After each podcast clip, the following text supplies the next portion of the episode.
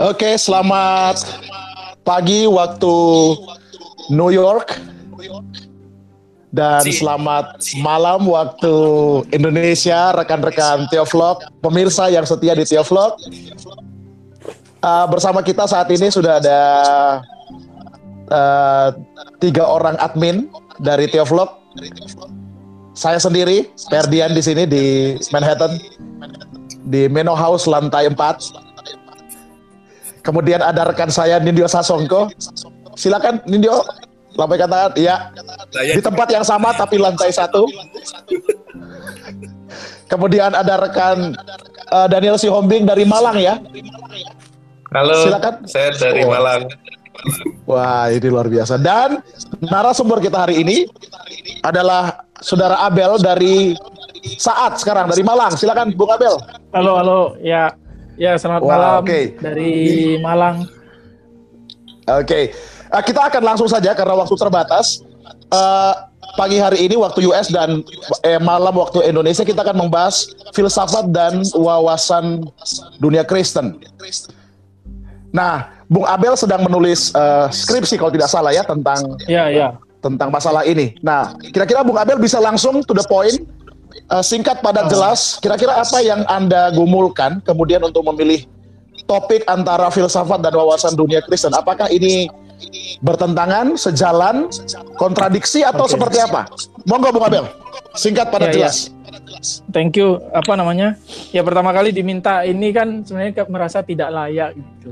Cuman ada yang benar-benar luar biasa. Ya, beneran. Tapi kata kata uh, Bang DS kan ya nggak apa-apa biar banyak juga yang ikut apa riset. Nah begitu dia bilang kayak gitu, nah jadi saya juga uh, tertarik untuk membagikan walaupun skripsi saya juga belum kelar gitu ya masih di dalam proses masih berkutat.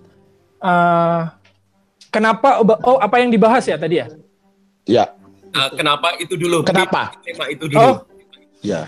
Iya, uh, temanya itu gimana ya? Uh, saya saya menuliskan uh, judulnya faith based reason. Itu.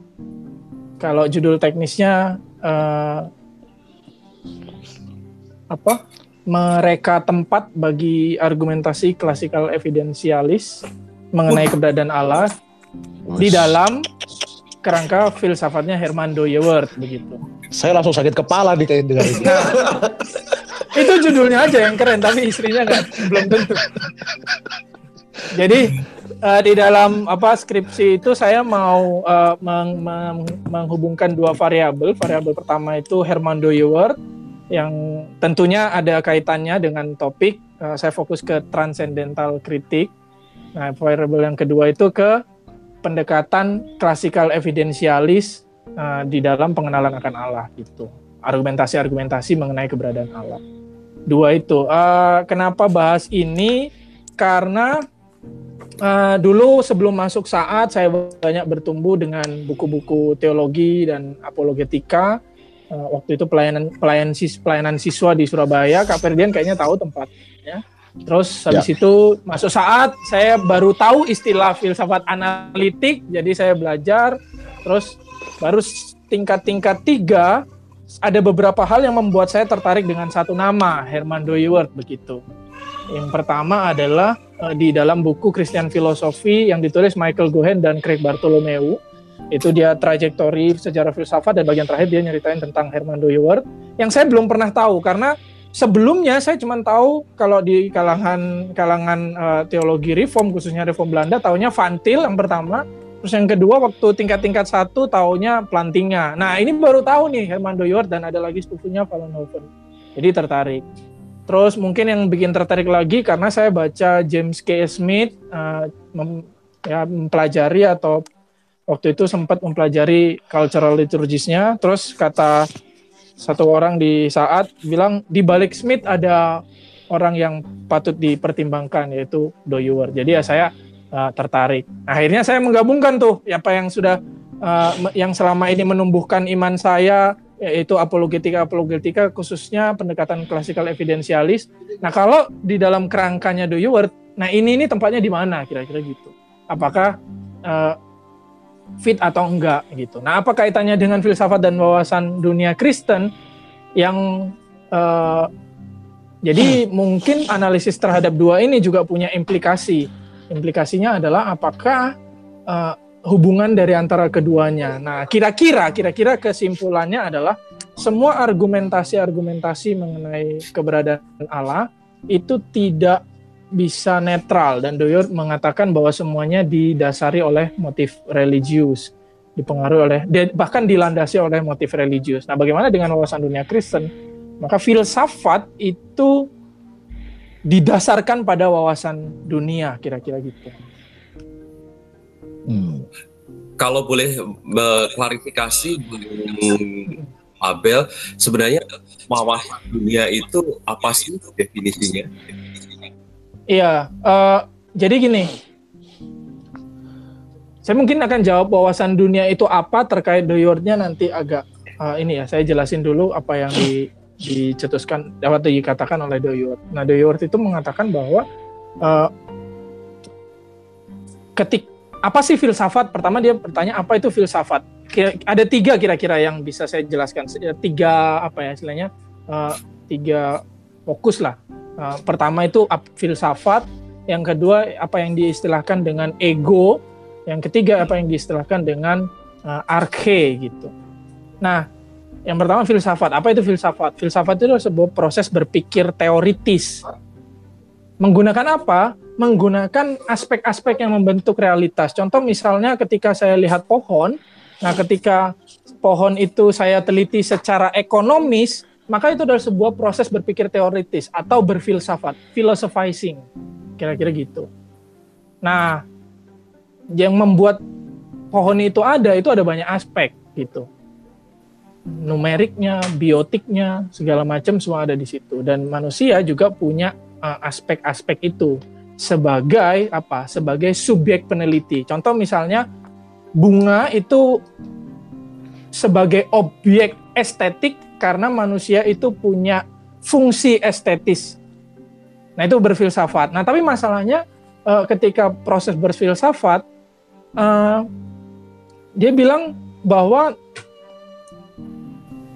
apa sih yang memungkinkan proses berpikir teoritis ini bisa terlaksana gitu. Nah, Dewey dipengaruhi kan sebenarnya hmm. nah, bahwa ada satu ada satu yang menyebabkan uh, menyebabkan proses berpikir teoritis itu ada gitu antara manusia dan realitas ketika berinteraksi ada prakondisi gitu. Nah, kalau kan prakondisinya adalah kategori mungkin kita uh, sudah tahu tapi kalau Doyor menganggap bahwa bermasalah kan itu karena uh, tidak menganggap bahwa prakondisi yang bersifat rasional itu bermasalah. Jadi kayak take it for, taken for, for granted istilahnya. Padahal apa? Yang menjadi starting point berfilsafat itu bukan kategori. Nah dia masuk ke istilah yang kedua ego yaitu keseluruhan diri manusia gitu. Keseluruhan diri manusia ini apa? Ya dia membagi gini. Ada totalitas, ada koherensi modal-modal. Koherensi modal-modal itu kayak gini. Pohon itu kita bisa analiti secara numerik jumlahnya berapa. Secara biotik aspek-aspek organik di dalamnya kayak gimana. Ekonomik bahkan. Nah, tapi pohon itu sendiri ada itu secara total di dalam individunya. Kita ketika berpikir secara teoris teoritis cenderung memisah-misahkan dengan proses abstraksi yang dilakukan oleh pikiran kita. Atau di Doyot pakai istilah theoretical thought. Nah, thought ini netral kalau istilahnya Doyot. Ada selalu ada adjektifnya di depan, theoretical thought dan pre-theoretical thought. Da melalui pre-theoretical thought, kita itu berinteraksi dengan pohon itu secara total. Menempatkan diri dengan pohon dengan realitas yang sama dengan pohon, tetapi di dalam theoretical thought kita memisah-misah aspek pohon itu untuk mendefinisikan pohon. Nah, bagi Doyor, starting point-nya adalah justru mengenali siapa sebenarnya yang melakukan proses berfilsafat. Apakah tolok ukur ekonomi, tolok ukur logical, ekon apa sosial, tolok ukur estetikal gitu. Nah, modal-modal itu tidak bisa dijadikan tolok ukur utama kalau me me melakukan meng, apa, membuat modal-modal itu menjadi tolok ukur utama, Doyot mengatakan itu isme. Membaca seluruh dunia secara ekonomis doang gitu. Bahkan Doyer pernah men, Doyer kayaknya menyindir pendekatan Marxism. Terus yang kedua juga dia sempat menyindir uh, aku lu, uh, aku agak lupa dia pakai istilah apa tapi ngarah ngarahnya itu ke filsafat analitik sebenarnya. Entah pakai kalangan Vienna atau kalangan Anglo-Saxon, dia pakai istilah itu dia bilang bahwa uh, berfilsafat dengan menjadikan bahasa sebagai tolok ukur. Nah, ini kelihatan banget kalangan analitik yang dimaksudkan dia atau kalangan logical positivism. Bagi dia itu isme. Karena itu tidak me, apa ya, tidak bagi dia berfilsafat itu harusnya itu kita menggapai totalitas dari realitas ini melalui apa? Melalui analisa-analisa terhadap modal-modal itu. Nah, tolak ukurnya bukan modal-modal itu masing-masing, tapi ego keseluruhan diri kita. Gitu. Nah, yang pertama harus dilakukan di dalam proses berfilsafat adalah mengetahui keberadaan diri. Atau dia bilang know thyself, dia punya ada gium know thyself itu harus dipampang di portal filsafat, di paling atas di awal-awal. Mengenali diri ini gimana caranya? Gak mungkin dong mengenali diri melalui proses teoritis juga. Misalnya saya yang berfilsafat. Saya yang berfilsafat ini didefinisikan oleh apa? Oke, saya definisikan lewat aspek ekonomis, aspek biotik, ya, itu percuma sama aja muter, sirkular dong. Berarti diawali oleh proses berpikir teoritis juga. Nah, dia bilang gini, ini bagian yang paling susah, padahal dijelaskan dua setengah halaman, saya ngertinya dalam waktu satu minggu. Ya, enam harian gitulah, agak susah. Dia bilang gini, mari untuk mengetahui bagaimana proses self-reflection tentang diri, maka kita harus melakukan satu hal, yaitu reduksi, mereduksi uh, diri manusia menjadi satu hal yang tidak mungkin bisa direduksi lagi, atau dia bilang mengeliminasi semua tindakan-tindakan aktual yang di yang mungkin dilakukan oleh manusia ketika berfilsafat. Semua di, dieliminasi, dieliminasi dan tinggal satu hal yang tidak mungkin dieliminasi, dieliminasi yaitu the thinking ego atau ego berpikir kalau saya terjemahkan bahasa Indonesia. The thinking ego. Manusia yang berpikir tentang realitas ini. Tapi berpikirnya ini bukan teoritis. Ingat kalau thought di dalam Doyer selalu di, ada ada awalan theoretical dan pre-theoretical. Nah, dia mengarahkan ego berpikir ini ke lebih ke pre-theoretical thought yang saya hmm. tafsirkan. Okay. Walaupun definisinya nggak kayak gitu. Nah, berarti manusia tuh harus mengerti ses, apa secara total dirinya dan dunia Hmm. Itu bagaimana? Dan menempatkan dirinya di dalam satu starting point tertentu yang deng, yang ketika dia berdiri di starting point itu, dia menamakan Archimedean point, maka dia bisa mengerti totalitas dunia. Nah, sebelumnya dia ber, berargumentasi bahwa dunia ini ada bukan ada dengan sendirinya. Dia itu karena dunia ini ada oleh karena modal-modal tadi, maka dia disebabkan oleh sesuatu yang lain, contingent. Gitu istilahnya. Nah, merujuk pada apa? Pada sesuatu yang menyebabkan dunia ini ada atau originnya. Ketika manusia itu ada di titik berdiri tertentu, dia bisa mengerti saya di mana, originnya apa. Dia punya direksi uh, ke arah hmm. di origin itu tadi. Nah, concern, dia istilahnya concern. Concern inilah yang menjadi starting uh, point dari berfilsafat. Hmm. Apa dengan apa hubungannya dengan wawasan dunia? artikelnya Albert Walters kalau nggak salah di uh, uh, di di Stained Glass dia memetakan ada lima pembahasan tentang apa itu wawasan dunia kata Wellston Shaw atau nggak ngerti bahasa uh, bacanya gimana mungkin Bang Des yang lebih ahli itu kan selalu uh, pusing kan didefinisikan sebagai apa gitu nah kira-kira ada udah banyak nih yang bicara tentang wawasan dunia dia bagi menjadi lima Nah, ada satu bagian yang dilakukan oleh Edmund Husserl, Husserl atau Husserl. Kita tahu fenomenolog itu. Dia bilang uh, Albert Wolters uh, men, me, melabeli bahwa bagi kalangan yang mirip Husserl, uh, worldview flanks filosofi. Jadi wawasan dunia itu kayak mengapit ya filsafat. Nah, Doyward dekat dengan itu. Nah, sejauh yang saya baca dengan Doyward, cara manusia melihat keberadaan dirinya di hadapan di origin dan menempatkan diri di dalam realitas ini, itulah worldview. Hmm. Dan itu starting point berfilsafat. Okay. Dan dia pakai istilah juga, itu religious action. Bisa tanya lagi nggak? gitu. Ya, Sip. Oh, thank you, thank you nih, Bung Abel. kira-kira gitulah, kira-kira. Nah, aku, aku mau tanya boleh ya? Sederhana Ah, aja. ah, Aku mau tanya, aku mau tanya. Iya, kalau dari penjelasan Bung Abel tadi kan, wah ini luar biasa ya. Eh, terkesan sangat eksistensialis juga ya, mungkin karena eh, dari Eropa ya. Ada tadi pengaruh karena saya cuma ingin tanya eh, bagaimana kita mendamaikan kan ini kan kaitannya kan dengan kekristenan ya wawasan Alkitab. Iya, iya. Ah, ah. Padahal di Alkitab itu kan sangat sangat eksperensial ya. Eh, Hmm. Waktu Tuhan, mem- waktu Allah memperkenalkan diri kepada Israel itu kan dia tidak menggunakan istilah-istilah eksistensialis, tapi justru lewat experience. Yes, situ. Tuhan yang eh, membawa Israel keluar dari Mesir dan seterusnya dan seterusnya. Jadi Israel Ya, diajak ya. untuk melihat experience, Siap, bukan siap. untuk melihat apa tadi modal-modal Betul, ontologis betul. ya. Betul, betul. modal-modal ontologis ya. Betul, Uh, betul. yang yang sangat luar biasa itu tadi. Tapi justru Ya. kalau kamu mau kenal aku, ya kenallah lewat experience begitu. Des, des, betul, lewat betul. Nah, pengalaman-pengalaman. Nah, itu seperti apa, Bung? Untuk kita bisa men- Just- mendamaikan atau bagaimana itu? justru uh, Doyor memberikan randa, landasan filosofis yang kuat. Kenapa manusia itu bisa berpengalaman dengan Tuhan?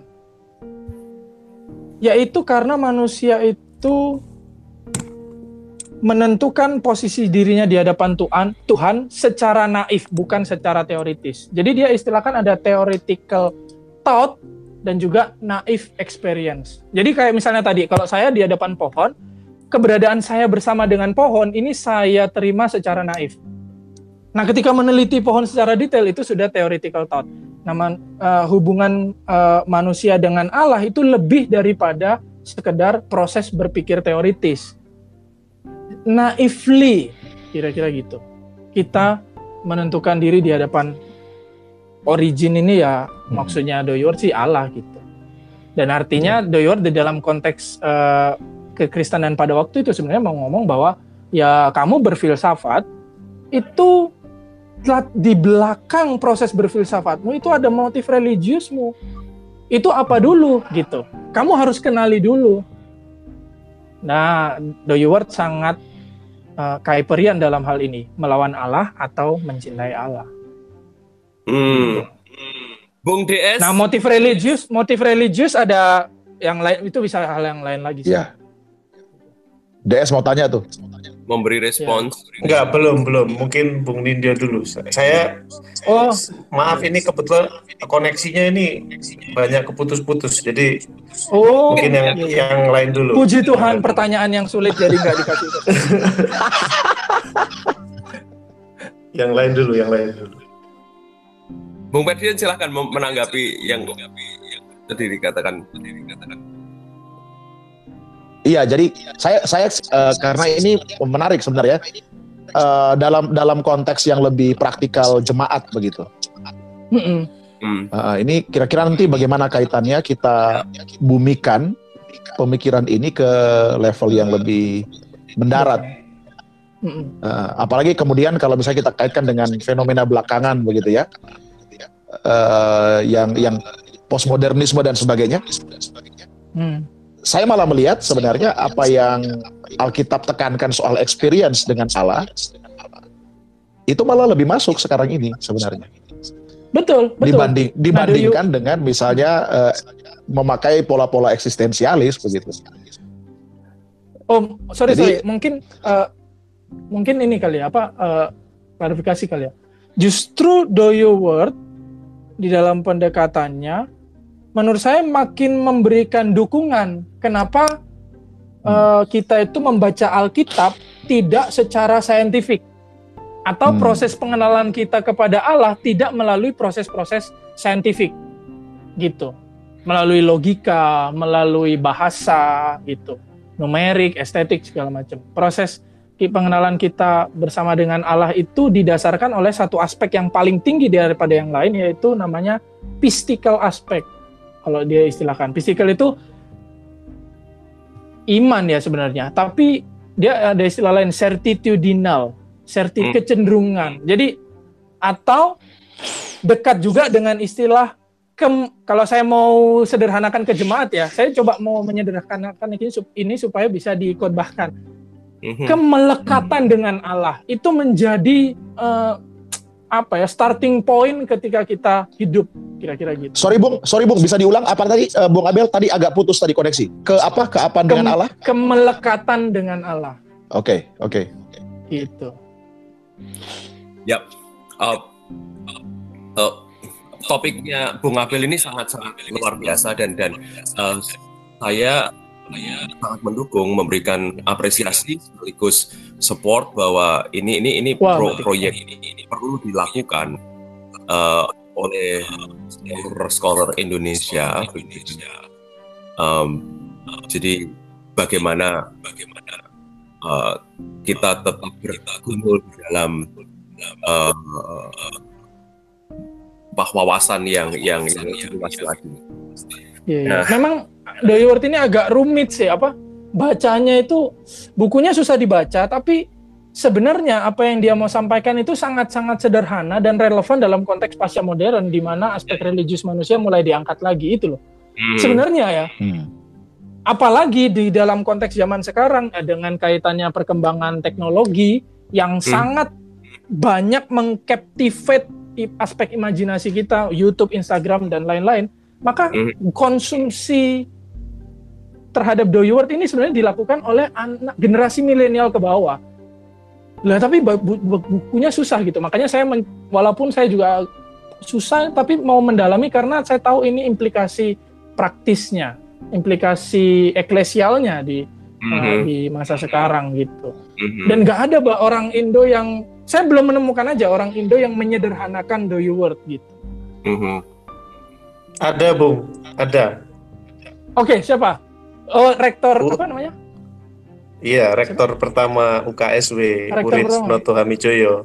It- itu Hmm. sederhana Oh. sekali di penjelasan dia. Ya. Ya, ya, ya, ya.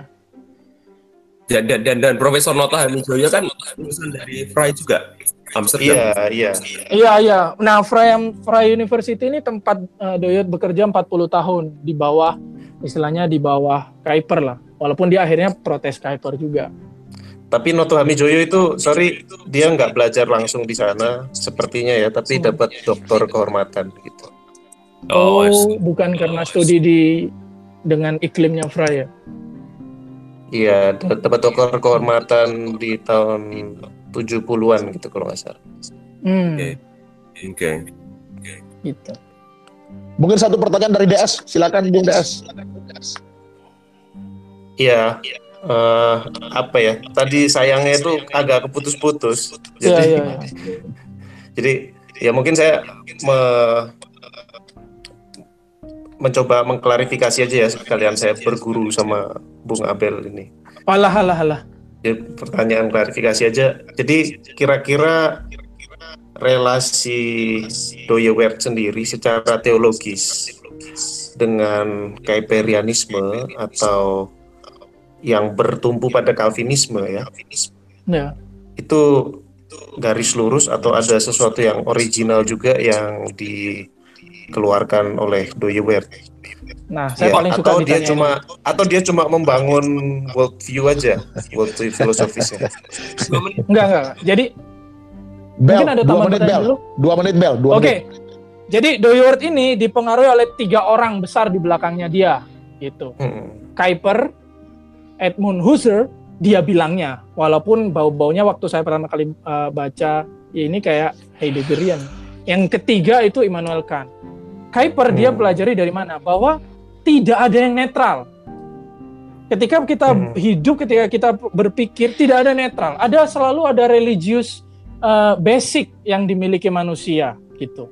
Apakah melawan Allah atau ngasih Allah. Nah, Doyworth uh, ka- dalam hal ini uh, Kuiperian. Nah, tapi Doyworth mengkritik uh, apanya Kuiper di dalam hal apa? Sphere sovereignty-nya. Nah, Kuiper bilang Hmm. bahwa uh, apa namanya? uh, ada teori kedaulatan wilayah kan. Cuman kan kata wilayah yang dipakai Kuiper ini masih nggak jelas. Dia cuma sebut sekolah, uh, uh, apa namanya? keluarga, negara, gereja gitu kan wilayahnya itu. Hmm. Walaupun sebenarnya kalau dipikir-pikir, loh pembagian sekolah, gereja, negara dan apa lagi? Sekolah, gereja, negara, satu Ya. lagi tadi. Keluarga. Eh, apa? keluarga. Keluarga. Ini ini ini ini pembedanya itu apa gitu? Nggak jelas. Nah Doyort menganggap bahwa sphere itu adalah modality. Wilayah itu modality. Ada dia tuliskan 15 aspek itu ya modality. Wilayah apa? Dan itu modality itu menjadi apa ya? Menjadi uh, cara kita mendefinisikan dunia secara teoritis didapat dari mana Hmm. dia dipengaruhi oleh Kant. Sekali lagi kalau Kant itu berhenti pada kategori, nah Doyort itu eh, seenggaknya ada dua hal yang dari Kant, yaitu itu tadi pembagian eh, modality itu di dalam mendefinisikan dunia. Tetapi lebih daripada itu dia juga mengkritikkan bahwa titik mula berfilsafat bukan modal-modal itu, salah satunya ekonomi. Makanya mungkin Bang DS bisa eh, sebut apa eh, tanggapi Doyort menganggap bahwa pendekatan yang ala-ala Marxis yang membaca dunia secara ekonomi itu isme menurut dia. Nah gimana bang? 30 detik Sorry sorry, saya saya terakhir ya terakhir ya. Saya saya saya agak eh, apa ter, tergerak ini waktu tadi Bung Abel bilang bukan tentang yang ekonomi, tapi Oke. karena saya menangkap kesan seperti ini. Tadi secara teologis dikatakan kalau Kaiperianisme itu kesannya itu sangat dualistis ya. Jadi entah kamu mengasihi Allah atau melawan Allah. Tapi di sisi lain dengan common grace yang sangat mewarnai Kaiperianisme, juga saya kira Doyewerdianisme ya. Lalu kemudian ada konsep sphere sovereignty. Itu menurut saya kok agak ber, agak kontras itu. Sam- iya, agak agak kon, iya agak inkonsisten dengan semangat tadi Ya. yang pertama tadi kelihatannya dualistik sekali tapi ini jadi inkonsisten dan Ya ya. dan ini yang dalam sejarah, dalam praktik membuat saya sering bertanya-tanya dengan praktik Kaiperianisme itu. Misalnya kita bisa melihat di Afrika Selatan ya, Hmm. turunannya ya. Bagaimana gereja reform Belanda itu karena karena melegitimasi pembagian manusia berdasarkan ras itu akhirnya ikut ikut anu lah ambil bagian lah dalam apartheid. Lalu juga misalnya di Indonesia ya. Ini juga kritik saya terhadap Urip Noto Hamijoyo ya. Saya bisa melihat sikapnya yang sangat mudah untuk mengikuti arus yang ada dalam dalam politik negara gitu. Jadi baru beberapa saat setelah pembantaian 65 itu dilakukan, beliau langsung mengatakan atau membuat statement bahwa ini adalah sebuah bentuk pemeliharaan Allah gitu. Jadi memang memang itu saya saya tidak menuduh bahwa itu efek langsung dari Kaiperianisme. ya Tapi kok berbanding lurus gitu? Waduh. Saya rasa kita Sorry, stop sorry. Tapi mungkin sebelum Tapi ini saya mau kasih saya klarifikasi khawatir- dulu. Ya ya. Ta- tapi tapi saya kuat, saya khawatir Iya. apa apa yang tadi saya Ada. anggap area-area yang cenderung kompromistis itu Hmm. eh, apa namanya bisa ikut andil di sana entah itu besar atau kecil. Iya, iya. Oke. Iya ya. Mungkin eh, saya mau klarifikasi supaya nggak keliru juga. Kuipernya lah yang membagi eh, menjadi dua eh, motif religiusmu itu melawan Allah atau mencintai Allah. Tetapi kalau Doyort itu motif religiusnya punya punya definisi lain. Oh, Dia jelasin di ada, ada empat motif religius di dunia di era eh, Sokratik dan sampai era abad apa mi- apa eh, ya tahun-tahun Yesus lahir itu eh, form and matter motif yang lalu muncul apa kekristenan dia bilang biblical motif yaitu creation, fall, redemption dan seterusnya. Yang ketiga itu di eh, mi- apa namanya medieval Hmm. nature and grace motif lalu di era uh, modern adalah nature and freedom. Nah, menurut dia yang menentukan itu itu. Nah, Doyeword sekali lagi terbatas. Kenapa? Karena pengamatannya dia tentang motif religius cuma empat itu. Hmm. Dia tidak tahu bahwa kalau misalnya dia hidup di era yang sekarang, sekali lagi Doyeword hidup di era sangat modern dan menurut Craig Bartholomew dia sangat-sangat profetik, pendekatannya sangat pasca modern, reform yang pasca modern, tapi makanya nggak terlalu diterima di eranya dia. Seandainya Doyot hidup di era sekarang di mana pluralisme agama sangat-sangat kentara dan sangat saling berinteraksi, mungkin Doyot akan menemukan ada motif religius ke lima, ke enam, ke tujuh dan seterusnya. Gitu. Oke, mantap. Dulu sampai di sini karena waktunya sudah sudah selesai. Yeah. selesai. Ya. Kan Bung Perdian, penutup. Iya, tapi setidaknya kalimat Bung Abel terakhir itu menjadi kesimpulan yang menarik ya. Iya. Uh, bahwa sebenarnya apa yang sedang diteliti ini relevan begitu dengan konteks kita sekarang. Ya. Ya, dan saya saya jadi tidak bisa menyimpulkan lebih jauh karena ini banyak banyak sekali uh, preposisi-preposisi yang menarik begitu. Luar biasa. Iya. Ya kan? Jadi saya juga nggak ngerti apa lagi. yang kamu omongkan. Oh iya ya boleh boleh. Oke okay, terima kasih Bung Abel. Ya ya ya thank you thank ya, you. ya salam dari US ya ya. Untuk semua. Salam dari Malang. Okay. terima kasih God bless. kehormatan. Ya selamat